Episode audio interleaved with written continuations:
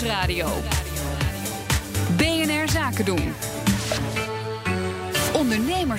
Het SER-advies voor een vrouwenquotum lokte behoorlijk wat reacties uit. En een veelgehoord argument tegen een quotum: je moet de beste kandidaat kiezen. Maar bestaat die wel? Marianne Jansen adviseert met haar bedrijf iConsulting bedrijven en raden van commissaris onder andere over diversiteit. En zij denkt dat die beste kandidaat niet bestaat. Conor Klerks vraagt haar hoe dat zit. Marjan, de SCR kwam met het advies: stel een vrouwenquotum in. En daar kwamen nogal reacties op, hè? Nou, die reacties, uh, wat mij daar vooral in opvalt, is dat ze nogal gepolariseerd zijn. Uh, mensen um, zijn of heel veel voor of heel veel tegen. Terwijl ik denk dat benaderingen die je kiest om die diversiteit te vergroten, dan moet je niet in of-of denken, maar in en-en. Je zult meer dingen moeten doen. En één daarvan is blijkbaar zo'n quotum. Want nou ja, op andere manieren is het tot op heden nog niet gelukt. Nee, precies. Is dat ook het argument voor u om het toch gewoon te doen, omdat het op de andere manieren nog niet geslaagd is? Wat ik denk is dat het zo lang al. Uh, mensen zijn al zo lang initiatieven aan het ontplooien. En tot op heden blijft, blijven de resultaten relatief beperkt.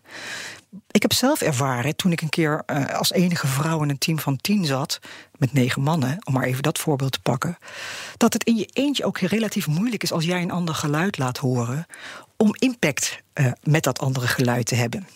Dus die, die onderzoeken die laten zien dat, dat je kritische massa nodig hebt van ongeveer 30 procent, ja, die maken dat ook duidelijk. En je hebt gewoon wat meer mensen van dat andere geluid nodig om ook andersoortige besluiten uh, tot stand te laten komen. En wat je merkt is dat als je telkens maar één iemand toevoegt, of dat nou een vrouw is of iemand met gewoon het, het andere geluid, mm -hmm. dat de kans relatief groot is dat die persoon of die impact niet heeft, hè, dus zich, zich moet aanpassen, of weer vertrekt als hij het gevoel heeft dat, uh, ja, dat er weinig naar hem, hem of haar geluisterd wordt. Dus het streven eerst naar die uh, kritische massa van 30% is denk ik heel goed.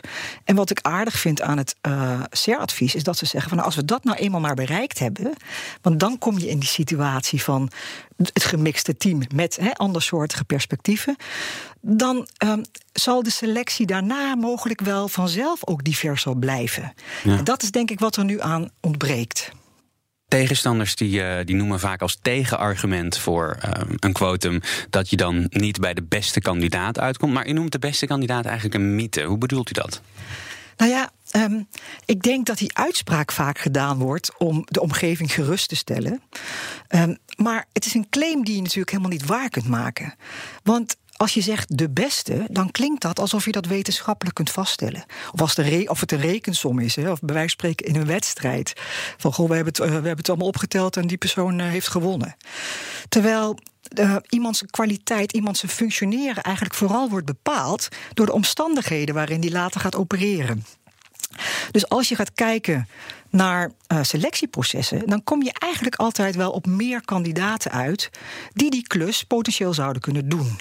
Want mensen op een shortlist zijn in principe in staat om uh, te doen wat er, wat er gevraagd wordt. En nogmaals, omstandigheden die bepalen uiteindelijk of iemand ook slaagt. Ja, je kan wel een sollicitatieprocedure in, in en iemand kiezen, maar je weet eigenlijk niet je weet hoe die zeker, over een nee. jaar, uh, hoe hij, hij of zij over een jaar presteert. Nee, en het is ook een beetje resultaten uit het verleden bieden geen garantie voor de toekomst. Hè. Mensen zijn vaak uh, succesvol geweest in een, uh, in een andere job, in die omstandigheden.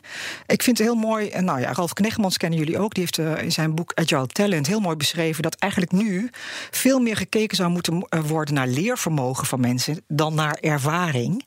Omdat um, er worden gewoon andere dingen gevraagd van, uh, ook van mensen in topteams, hè, bestuurders, directieleden.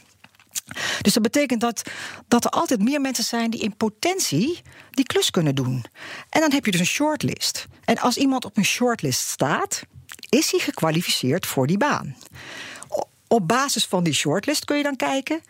Hebben we nog ander beleid? Bijvoorbeeld, we willen meer mensen uit de provincie dan uh, uit de Randstad, hè, om maar eens wat een voorbeeld te pakken. Want we willen dat team diverser hebben. Nou, dan kies je op basis van dat beleid, kies je dan uh, iemand vanuit die doelgroep.